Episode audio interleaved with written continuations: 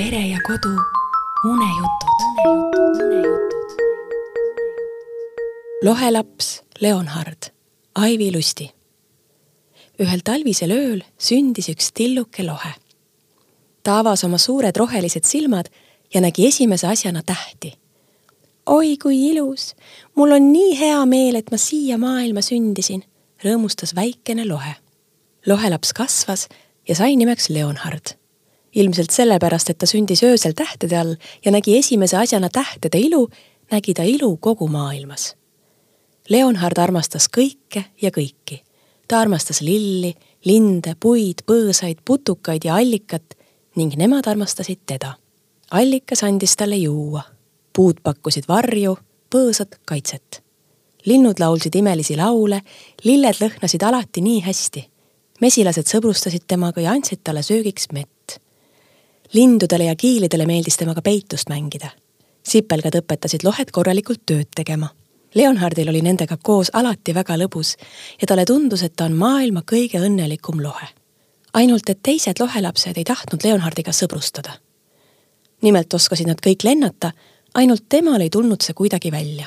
ta võttis samamoodi hoogu ja ajas oma tiivad laiali, aga lendu tõusmise asemel maandus ta alati kohe põõsas või mõnes mättas. Kõik väikesed lohed naersid ja narrisid teda. sa ei õpi mitte kunagi lendama, sest sa oled imelik ja sul pole õigeid tiibu. Leonhard oli seetõttu väga-väga õnnetu ning eelistas pigem mängida kohtades, kus teised lohelapsed teda ei näinud. pärast järjekordset ebaõnnestunud lennukatset hakkas väike lohe nutma ta oli kindel, et ei õpi mitte kunagi lendama ning teised lohelapsed ei taha seetõttu temaga mitte kunagi sõbrustada ja jäävadki tema üle naerma. korraga ilmus tema ette haljas ja ütles. sa suudad, kui sa usud, et sa suudad. ära anna alla. sa pead seda lihtsalt kindlalt uskuma. ja Leonhard otsustas uskuda. midagi muud ta teha ei osanud. igal õhtul, enne kui ta magama jäi, pani ta silmad kinni ja uskus, et ta oskab lennata ta kujutas endale ette, kuidas ta liugleb koos teiste lohedega üle taeva ja suudab lennata isegi kõrgele tähtede juurde. ta ei andnud alla ja tegi seda harjutust igal õhtul. Lisaks harjutas ta igal päeval endiselt lendamist.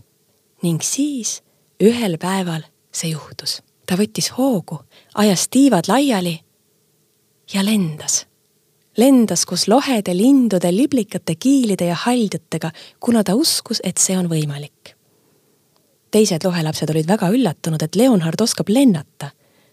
lohepoiss Leonhard otsustas oma saladust nendega jagada. igal õhtul, enne kui sa magama jääd, pane silmad kinni ja mõtle asjadele, mida sa veel ei oska, aga tahaksid osata. ja siis lihtsalt usu. sa suudad, kui sa usud, et sa suudad